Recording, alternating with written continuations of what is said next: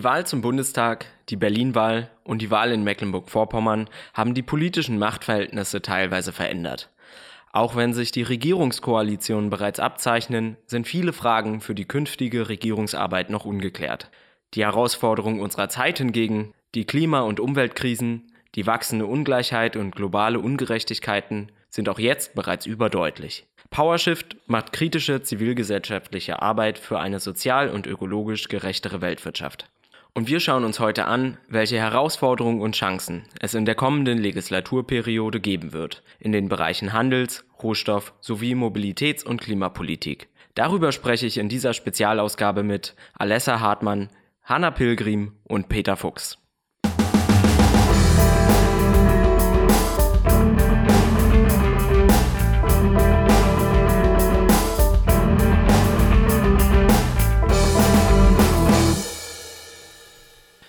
Hallo und herzlich willkommen zu Kompass Weltwirtschaft, dem Podcast von PowerShift. Wir gucken hier regelmäßig auf Probleme unserer ungerechten Weltwirtschaft.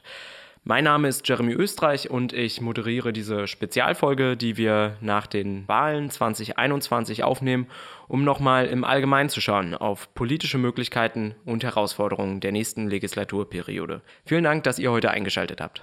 PowerShift ist eine deutsche Nichtregierungsorganisation. Wir setzen uns ein für eine sozial und ökologisch gerechtere Weltwirtschaft. Möglich gemacht wird unsere kritische zivilgesellschaftliche Arbeit dabei mit euren Spenden. Deswegen nochmal ein ganz herzliches Dankeschön an alle, die schon dabei sind und natürlich eine Einladung an alle, die nach dem heutigen Podcast sagen, wichtige Arbeit, da möchte ich mitmachen. Ihr findet unser Spendenformular in den Show Notes unter diesem Podcast. Vielen Dank auf jeden Fall, dass ihr dabei seid. Natürlich freuen wir uns auch immer über eure Anregungen oder Fragen zu den Themen in diesem Podcast. Wenn ihr also zum Beispiel einen Vortrag organisieren wollt mit unseren FachreferentInnen oder wenn ihr nochmal was genauer wissen wollt, etwas nicht ganz verstanden habt oder wenn ihr thematische Anregungen habt, jederzeit gerne her damit, immer an podcast at power-shift.de. Die Welt, wie wir sie kennen, im Jahr 2021 ist geprägt von wachsenden Ungerechtigkeiten. Etwa die Klimakrise, diese betrifft global gesehen die Menschen am meisten, die am wenigsten dazu beigetragen haben und die am wenigsten profitiert haben vom Kapitalismus. Die Naturkatastrophen, die Umweltzerstörung und die Menschenrechtsverbrechen, die durch die ungebändigte Wirtschaftsweise hervorgerufen werden, treffen vor allem Menschen im globalen Süden, während ein proportional gesehen relativ kleiner Teil der Welt profitiert. Die EU und Deutschland tragen eine erhebliche Verantwortung in diesen Prozessen. Etwa durch Handelspolitik übt die EU auch heute Druck auf Staaten des Südens aus, ihre Märkte für europäische Produkte zu öffnen. Die Liberalisierung des Handels wird dabei als ein Allheilmittel gesehen. Es verspricht Wirtschaftswachstum und soll deswegen auch gut für alle sein. Vergessen werden dabei gerne die wachsende globale Ungleichheit, die wachsende Macht der Konzerne und der Investorinnen und das damit einhergehende Demokratiedefizit. Deswegen beobachtet PowerShift seit 2010 die Verhandlung von Handelsabkommen und zeigt die negativen Folgen von ungebremster Liberalisierung auf. Von der neuen Bundesregierung fordern wir eine Handelspolitik, die allen Menschen dient und der Umwelt und dem Klima nicht schadet. Wir fordern global gerechten Handel. Was darunter zu verstehen ist, darüber habe ich mit Alessa Hartmann, langjähriger Handelsexpertin bei PowerShift, gesprochen. Für uns bedeutet global gerechter Handel, dass alle Menschen profitieren müssen und nicht nur einige wenige große Konzerne. Außerdem darf er nicht zulasten der Umwelt und des Klimas gehen, muss also nachhaltig sein. Und das ist derzeit nicht der Fall. Durch heutige Handelsabkommen und ungebremsten Handel wird der Klimawandel weiter vorangetrieben. Klimafreundliche Technologien werden nicht gefördert. Auch verbindliche Klauseln zum Klimaschutz sucht man vergeblich in Handelsabkommen. Stattdessen bekommen Konzerne durch Handels- und Investitionsschutzabkommen die Möglichkeit, Staaten vor internationalen Schiedsgerichten zu verklagen, wenn sie ihre Profite durch Gesetze, beispielsweise zum Klimaschutz, gefährdet sehen. Bereits jetzt klagen die Energieriesen RWE und Unipa gegen die Niederlande aufgrund deren Beschlüsse zum Kohleausstieg und fordern etwa 2,4 Milliarden Euro Schadenersatz. Solche Klagen schrecken Staaten natürlich davon ab, wirksame Klimaschutzmaßnahmen zu verabschieden. Dazu kommt, dass Konzerne Konzernklagen nun auch aufgrund von Maßnahmen infolge der Corona-Pandemie einreichen und sich so auch noch diese Krise vergolden lassen. Beispielsweise beraten bereits Anwaltskanzleien über Klagen, die durch die zeitweise Übernahme privater Krankenhäuser in Spanien durch das hiesige Gesundheitsministerium möglich wären. Ja, Lessa, die Corona-Krise ist ja nochmal ein gutes Stichwort, denn die hat einen weiteren Aspekt der global ungerechten Handelsregeln offenbart, und zwar die global ungleiche Verteilung von Impfstoffen. Obwohl sich ja eigentlich alle einig sind, dass eine schnellstmögliche globale Verteilung von Impfstoffen der einzige Ausweg aus der Pandemie ist, kommen die Impfstoffe nicht ausreichend in den Ländern des globalen Südens an. Ursache dafür sind Regeln um geistiges Eigentum. Genau. Schuld daran sind die im internationalen Handelsrecht festgeschriebenen Patentrechte, auch TRIPS genannt. Sie verhindern, dass Medikamente oder Impfstoffe von sogenannten Entwicklungsländern selber produziert werden können. Aber viele Staaten fordern jetzt unter der Führung Indiens und Südafrikas für die Dauer der Corona-Pandemie auf bestimmte geistige Eigentumsrechte zu verzichten. Das betrifft Produkte und Technologien, die zur Prävention, Eindämmung oder Behandlung von Covid-19 beitragen können. Leider ist aber vor allem die deutsche Bundesregierung bisher ein Bremser dieser Idee gewesen. Und wir fordern daher von der neuen Bundesregierung, dass sich das ändert und sie sich für eine Aussetzung dieser Patentrechte auf Impfstoffe und Medikamente einsetzt. Damit alle Menschen weltweit vor Corona geschützt werden können und sich auch nicht weitere Mutationen ausbreiten können, die derzeitige Impfstoffe unwirksam machen könnten. Ja, beim Thema Patente denke ich immer so ein bisschen an so Videos aus der Schulzeit, die das Gefühl vermitteln sollten, dass Patente das sinnvollste und irgendwie logischste überhaupt seien. Aber die, so eine Logik gerät natürlich an ihre Grenzen, wenn es um öffentliche Interessen geht, was insbesondere in Krisenzeiten deutlich wird, oder nicht? Ja, ein ähnliches Problem wie mit den Patenten auf Impfstoffen gibt es nämlich auch im Klimabereich. Auch hier erschweren Patente auf Klimatechnologien den Zugang vor allem für den globalen Süden zu klimafreundlichen Technologien. Aber für die Bekämpfung des Klimawandels sind diese unbedingt notwendig. Dass es bisher keinen funktionierenden Mechanismus zum Technologietransfer gibt, ist eine weitere Schwachstelle derzeitiger Handelsabkommen. Alessa, kannst du uns vielleicht nochmal darlegen, in Anbetracht dieser Probleme, was sind denn oder was wären denn eigentlich Lösungsmöglichkeiten? Was wären gewissermaßen notwendige Schritte auf dem Weg zu global gerechtem Handel? Wie gesagt, die extrem ungleiche Verteilung von Impfstoffen muss aufhören. Wir brauchen dafür eine Flexibilisierung des Patentrechts. Und die Grünen haben sich im Vorfeld der Bundestagswahlen bereits für eine solche Freigabe eingesetzt. Die Jusos ebenso. Und das muss sich nun auch in den Koalitionsverhandlungen widerspiegeln. Außerdem müssen Investitionsschutzabkommen mit Konzernklagerechten, wie zum Beispiel der Energiekarta-Vertrag, gekündigt werden. Und es dürfen keine weiteren Verträge mit Konzernklagerechten abgeschlossen werden. So könnten Regierungen in Zukunft auch besser und flexibler auf Krisen wie eben Pandemien oder die Klimakrise reagieren. Stattdessen sollte beispielsweise die Verbreitung klimafreundlicher Technologien vorangetrieben werden.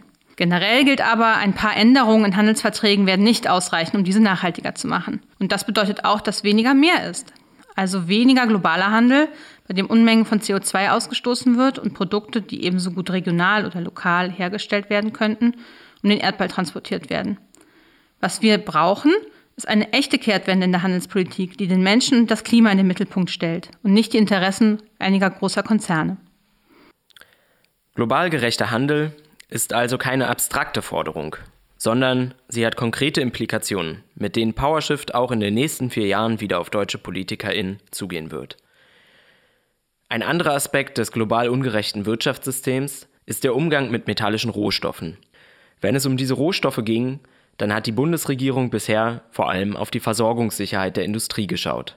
Während Deutschland 99,7 Prozent seiner metallischen Primärrohstoffe importiert, kommen diese Rohstoffe für die deutsche Industrie vor allem aus Ländern des globalen Südens.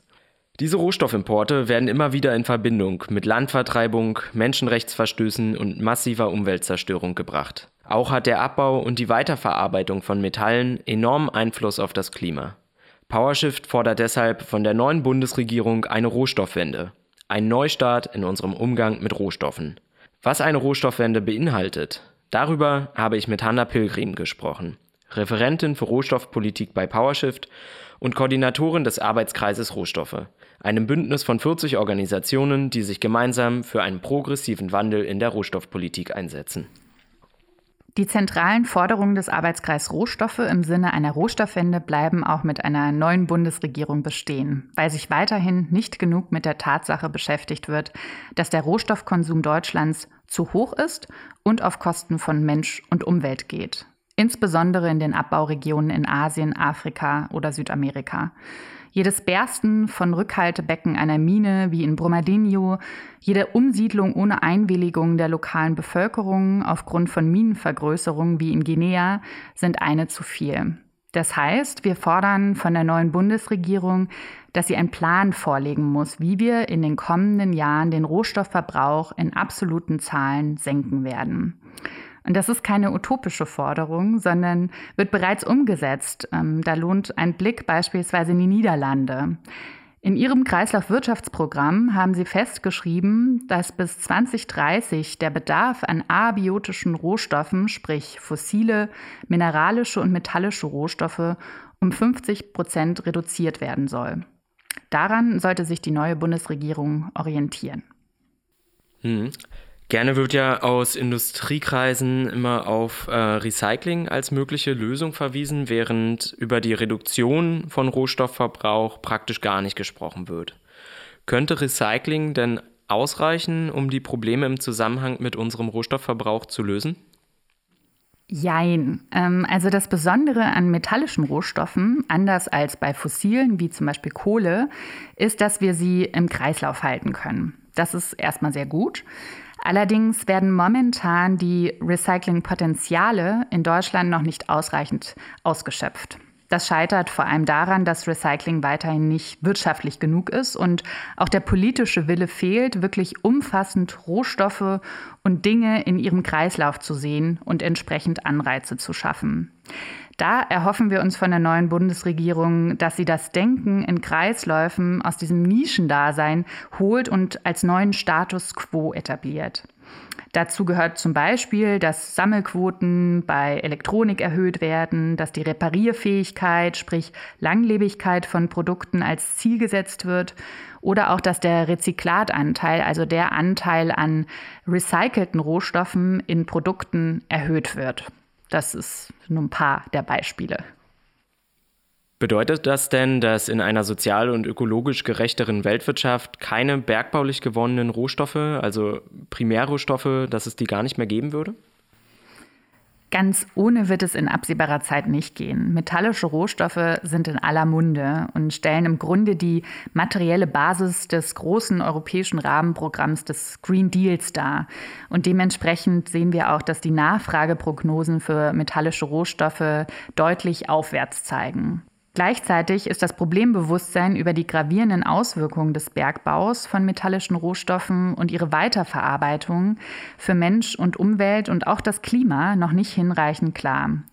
Wir fordern demnach für Rohstoffimporte strikte und wirksame Sorgfaltspflichtenregelungen für Unternehmen auf nationaler und auf europäischer Ebene. Darunter fällt zum Beispiel auch, dass in der aktuell debattierten Batterienverordnung menschenrechtliche und umweltbezogene Sorgfaltspflichten verankert werden müssen. Die neue deutsche Bundesregierung sollte da nicht weiter als Bremser auftreten, sondern aktiv höchste Standards vorantreiben. Das deutsche Lieferkettengesetz zeigt da noch deutliche Lücken auf und die sollten auf jeden Fall auf europäischer Ebene geschlossen werden. Das heißt, zusammenfassend könnte man sagen, dass die Rohstoffwende drei Hauptforderungen hätte. Genau. Also die Reduktion des Rohstoffverbrauchs in absoluten Zahlen, die Etablierung einer Kreislaufwirtschaft oder gar einer Kreislaufgesellschaft und wirksame Sorgfaltspflichtenregelungen auf nationaler wie auch auf europäischer und internationaler Ebene. Okay, Hanna, und jetzt Stand heute, es sieht ja nach Ampel aus. Was erhoffst du dir denn da von der neuen Bundesregierung in Bezug auf Rohstoffpolitik? Ich bin zuversichtlicher als sonst, ähm, dass mit Grünen in der Regierung und vor allem auch vielen neuen jungen Bundestagsabgeordneten, beispielsweise bei der SPD und den Grünen, äh, die Thematik auf mehr Gehör stößt und hoffentlich auch danach Taten folgen. Wichtig finde ich es aber auch nochmal zu sagen, dass vor allem mit den Grünen in der Regierung eine andere Erzählung auch über das Verhältnis von Mensch und Umwelt etabliert werden sollte. Ich finde, die US-amerikanische Umweltwissenschaftlerin Robin Wall Kimmerer bringt das sehr gut auf den Punkt. Sie sagt, es ist nicht die Umwelt, die zerstört ist, es ist unser Verhältnis zur Umwelt, das zerstört ist. Und ich finde, daran müssen wir arbeiten, vor allem hinsichtlich der Rohstoffpolitik. Da können wir noch so viele Umweltschutzmaßnahmen betreiben, wenn wir die Ursache, die in unserem kruden Gesellschaftsverständnis von Natur als gewinnbringende und sich anzueigne Ware verstehen, wenn wir das nicht hinterfragen und beginnen neu zu denken. Und ich denke, das sollte eine der größten grundlegenden Aufgaben der neuen Regierung sein. Das wünsche ich mir. Großen Einfluss auf die deutsche Rohstoff- und Handelspolitik hat die Automobilindustrie. Mehr noch, der motorisierte Individualverkehr prägt unsere Mobilität, die Art und Weise, wie wir uns bewegen. Dieser einseitige Fokus hat jedoch noch andere Folgen als etwa 48 Millionen angemeldete Autos im Autoland Deutschland. Die gesamte Infrastruktur ist darauf ausgelegt, dass Autos fahren und parken können. Ganze Städte sind geplant und gebaut worden für das Auto. Das jedoch schließt viele Menschen aus, die sich etwa kein Auto leisten können. Mobilität steht im Zusammenhang mit Machtverhältnissen und ist ungleich verteilt. Deshalb fordert PowerShift Mobilitätsgerechtigkeit. Was darunter zu verstehen ist, darüber habe ich gesprochen mit Peter Fuchs, der PowerShift 2010 gegründet hat und heute zu Klima- und Mobilitätspolitik arbeitet. Für PowerShift ist Mobilitätsgerechtigkeit ein zentrales Moment unserer Arbeit geworden, weil wir eingesehen haben, dass Gerechtigkeit in der Mobilität auf verschiedenen Ebenen verletzt wird und wir gerechte Mobilität für alle erstreiten müssen, weil sie für gesellschaftliche Teilhabe elementar ist. Wir laden dazu ein, über Mobilitätsgerechtigkeit in Anlehnung an Mimi Scheller, eine US-amerikanische Wissenschaftlerin, die dort von Mobility Justice spricht, auf vier Ebenen nachzudenken. Auf der interpersonellen Ebene, auf der Ebene von Straßen und Städten, auf der Ebene von Nationen und ihren Grenzregimen, wie auch auf der globalen Ebene. Ein Blick auf diese vier Ebenen erlaubt uns, Mobilitätsungerechtigkeiten besser zu erkennen und zu identifizieren, wo und wie wir für mehr Gerechtigkeit in der Mobilität kämpfen müssen. Ja, du hattest gerade die vier Ebenen, auf denen äh, Mobilitätsungerechtigkeit geschieht, schon mal angesprochen. Interpersonell, Straße, Stadt, national und global. Könntest du darauf noch mal kurz ein bisschen genauer eingehen? Ja, verschiedene Personen erleben Mobilität krass unterschiedlich und sehr ungerecht. Menschen mit Behinderung haben keine Zugänge zu Räumen, die baulich einfach blockiert sind. Arme Menschen können sich teure Mobilität nicht kaufen. Frauen erleben Mobilität im öffentlichen Raum ganz anders als wir oft privilegierte weiße Männer, denn sie müssen Gewalt befürchten. Menschen mit sexueller Orientierung, die nicht der Norm entspricht, haben auch Gewalt oder Diskriminierung zu befürchten. Und Menschen, die aufgrund ihrer Hautfarbe bestimmte andere Zuschreibungen von vermeintlicher Rasse oder ähnlichem erfahren, werden diskriminiert im öffentlichen Raum und können bestimmte öffentliche Räume gar nicht betreten. Hier wird Mobilität für einige leicht und gut möglich und für andere erschwert und verunmöglicht. Wenn wir dann in den öffentlichen Straßenraum blicken, also auf die Ebene Straße und Stadt, sehen wir krass ungerecht verteilten öffentlichen Raum. Den Autos, den MIV-Fahrzeugen wird sehr, sehr viel Raum gegeben für Fahren und Parken und viele andere Verkehrsteilnehmerinnen müssen an den Rand gedrängt oder in gefährlichen Strukturen versuchen, sich fortzubewegen. Und wenn wir dann eine Ebene höher denken an die Nationen oder auch in der EU an ein Nationenbündnis und die Grenzregime, dann gibt es dort eine krasse, brutale, tödliche Verhinderung von Mobilität für Menschen, die Schutz suchen und fliehen. Und auf der anderen Seite fliegen dort hinüber Privatjets, Tourismusflieger, die normalen Flugzeuge, die viele Menschen aus privilegierten Ländern und mit entsprechenden Pässen nutzen dürfen. Wir haben also auch auf dieser Ebene von Flüchtlings- und Migrationspolitik eine krasse Mobilitätsungerechtigkeit. Und last but not least, auf globaler Ebene erleben wir die globalen Klima- und Rohstofffolgen unseres Verkehrssystems und unserer Automobilproduktion. Ja, Peter, könntest du uns noch mal sagen, wo genau liegen denn dann Ansätze, um Mobilität gerechter zu gestalten? Ja, so wie wir Ungerechtigkeiten auf diesen verschiedenen Ebenen der Mobilität identifizieren können, können wir auch Ansätze für gerechtere, klimagerechte Mobilität für alle identifizieren. Zwischen Personen mit unterschiedlichem Einkommen, Geschlecht, sexueller Orientierung, Hautfarbe muss es gerechter zugehen, indem diese Menschen ihre Probleme, ihre Fragen, ihre Vorschläge gehört, eingebunden werden. Im städtischen Raum, auf nationaler und EU-Ebene wie auch global muss Politik anders laufen. Und hier gibt es eine Fülle von Ansätzen, gerechtere Mobilität zu gestalten. Ja, während sich PowerShift in den Bereichen Handels- und Rohstoffpolitik auf europäischer und auf Bundesebene einsetzt, sind die Forderungen für gerechtere Mobilität aktuell noch stark lokal bezogen. Wie kommt denn das eigentlich und was genau sind die Forderungen für die nächsten vier Jahre in Berlin? Ja, wir haben hier in Berlin das Bündnis Berliner Straßen für alle mit initiiert und koordinieren das und fokussieren in der Tat im Moment noch auf eine urbane Verkehrswende hier in Berlin, um von den über 1,2 Millionen Autos auch hier runterzukommen, als einen lokalen Beitrag zu mehr globaler Gerechtigkeit. Es ist allerdings so, dass natürlich die anderen Ebenen der EU-Politik für den Verbrennerausstieg und der Bundespolitik für die Frage Straßenbau und Straßenverkehrsrecht total wichtig bleiben. Wir haben da aber auch jahrzehntelang nur verloren und haben eine defensive Position gehabt, wo es allein auf lokaler Ebene in Städten möglich war, die urbane Verkehrswende je nach politischer Offenheit voranzubringen. Und daher gibt es diese Ansätze, die weiterverfolgt werden müssen, urbaner Verkehrswende. Aber wie wir deutlich gemacht haben, findet die Auseinandersetzung um gerechtere Mobilität in diesem Mehrebenensystem statt und muss von der EU über die Bundesebene bis hin zu lokalen und Kiez-Auseinandersetzungen stattfinden.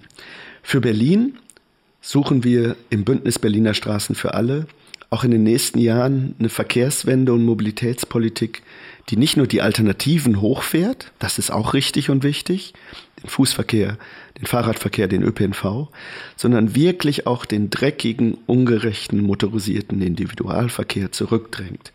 Ohne dieses Push und Pull, wie die Verkehrswissenschaft sagt, in der Verkehrspolitik wird es keine Abkehr vom Auto geben. Und wir haben als konkrete Forderung unter anderem die Umwandlung von mehr und mehr Parkflächen perspektivisch 60.000 pro Jahr, damit der öffentliche Parkraum zu einem Raum wird für die faire Mobilität, für Aufenthaltsorte, für städtisches Grün. Wir wollen mehr autofreie Straßen und Plätze und sogenannte Kiezblocks, also Blocks, in denen der Durchgangsverkehr verhindert wird und dafür mehr urbanes Leben in den Kiezen, wo Menschen wohnen, sicher und klimafreundlich möglich wird. Wir wollen eine Reduzierung des Tempos stadtweit Tempo 30 und haben eine Fülle weiterer Vorschläge, die insgesamt darauf hinauslaufen, Berlin zu einer Stadt gerechter Mobilität zu machen. Das wird ein möglicher Beitrag hier vor Ort zu globaler Gerechtigkeit, aber er steht auch vielen Widerständen und einer Autolobby und Autopolitik entgegen, die noch überhaupt kein Verständnis hat von Mobilitätsungerechtigkeiten und den Wegen hin zu gerechter Mobilität. Insofern bleibt noch viel zu tun. PowerShift wird also auch in den kommenden vier Jahren wieder aktiv an EntscheidungsträgerInnen auf europäischer, Bundes- und Berlin-Ebene herantreten und Forderungen stellen. Denn der Fokus auf deutsche Exporte und Handelsliberalisierung, die Abhängigkeit der deutschen Industrie von Rohstoffimporten und der Fokus im Rohstoffbereich auf Versorgungssicherheit sowie die einseitige Mobilität und ungleich verteilte Zugänge zur Mobilität, all das hat jede Menge Gerechtigkeitsimplikationen. Daran werden wir die Politik bei jeder Gelegenheit erinnern und uns gemeinsam mit euch in Bündnissen und Netzwerken für eine sozial und ökologisch gerechtere Weltwirtschaft einsetzen. Dazu werden wir politische Prozesse weiterhin mit umfassenden Recherchen durchleuchten, Probleme benennen und Handlungsalternativen entwickeln. Ihr findet unsere Studien, Infografiken, Factsheets, weitere Podcasts sowie Informationsvideos zu den Themen Handels-, Rohstoff- und Klimapolitik auf power-shift.de. Zum direkten Weiterlesen nach diesem Podcast verlinken wir euch ein paar aktuelle Studien und Factsheets in den Show Notes unter diesem Podcast.